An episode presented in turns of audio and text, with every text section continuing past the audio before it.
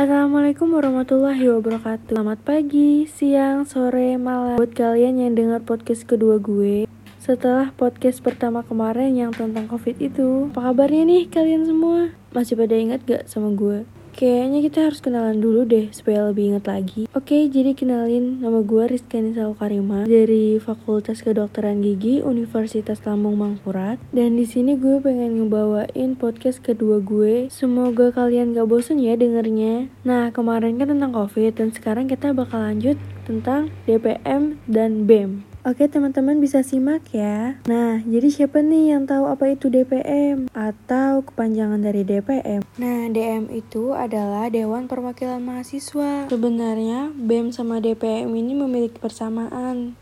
Kalau dikatain sih beda. Kalau DPM bekerja seperti pengawasan, pokoknya kerja itu kayak mengawasi dan mengontrol gitu. Jangan salah, mereka nggak selamanya mengawasi dan mengontrol. Mereka juga punya program masing-masing yang harus dikerjakan. Nah, di DPM ini ada beberapa komisi nih. Pertama, pertama Komisi Legislatif dan Pengawasan. Kedua, ada Litbang atau Penelitian dan Perkembangan. Hanya yang tentang melakukan penelitian atau perkembangan gitu. Yang ketiga, ada Komisi Aspirasi. Komisi Aspirasi ini menampung aspirasi terkait perkuliahan.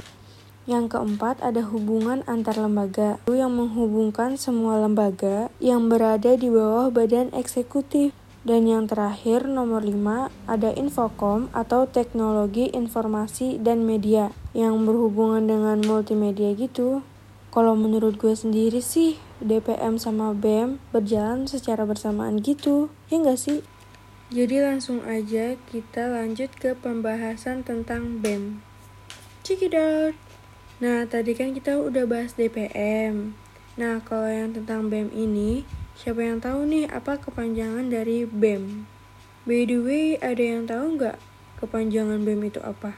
Oke, langsung aja kita bahas ya. Jadi, BEM bisa kita sebut juga sebagai Badan Eksekutif Mahasiswa. Pasti di pikiran kalian enak nih jadi BEM. Waduh, enak nih jadi terkenal banyak yang suka dan macam-macam deh pokoknya di pikiran kalian tentang BEM yang posisi positifnya. It's tapi kalian jangan salah. Jangan kalian kira kalau BEM itu enak atau santai-santai aja kerjaannya. Karena sebenarnya tugas dari BEM tersebut melingkupi banyak loh. Mulai dari proker yang mereka buat dan yang lain-lainnya. Akan tetapi, jangan juga kalian mengira kalau BEM itu nggak enak BEM gak suka, sibuk, atau segala macam lah. Karena sebenarnya kalau kalian mengikuti kegiatan BEM ini, kalian bakal dapat banyak ilmu guys. Yang lebih utama lagi, kalian pasti bakalan dapat yang namanya pengalaman. Memiliki sifat kekeluargaan, dapat membina, melatih untuk menjadi pemimpin dan dipimpin. Nah, jadi di BEM ini kalian bukan cuman tahu manisnya doang, tetapi juga kalian akan tahu akan manis dan pahitnya kehidupan di BEM ini.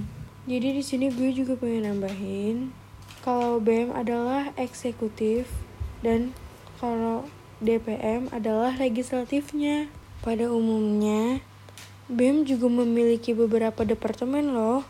Nah, jadi BEM mencoba menjadi sebuah lembaga yang mewadahi aspirasi mahasiswa yang memiliki semangat untuk melakukan perubahan dalam paradigma emosional, intelektual, sekaligus nilai-nilai religius. Jadi, yang gue omongin dari tadi itu semua tentang perkenalan DPM dan BEM. Dan jadi cukup sekian podcast kedua gue tentang DPM dan BEM. Bisa nih kapan-kapan kita bakalan lanjut ke podcast yang ketiganya.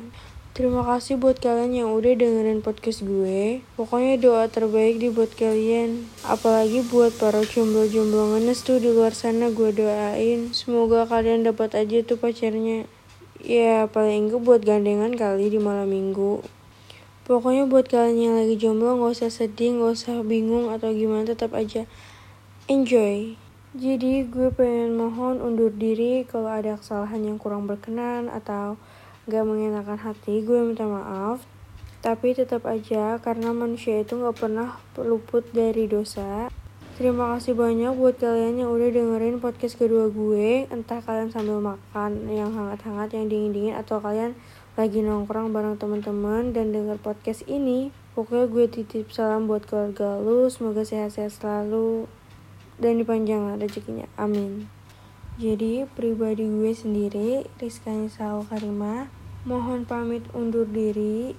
Terima kasih udah denger podcast kedua gue, udah mampir tetap jadi diri sendiri dan jaga kesehatan terus ya. Sekian, terima kasih. Wassalamualaikum warahmatullahi wabarakatuh. See you next time. Bye bye.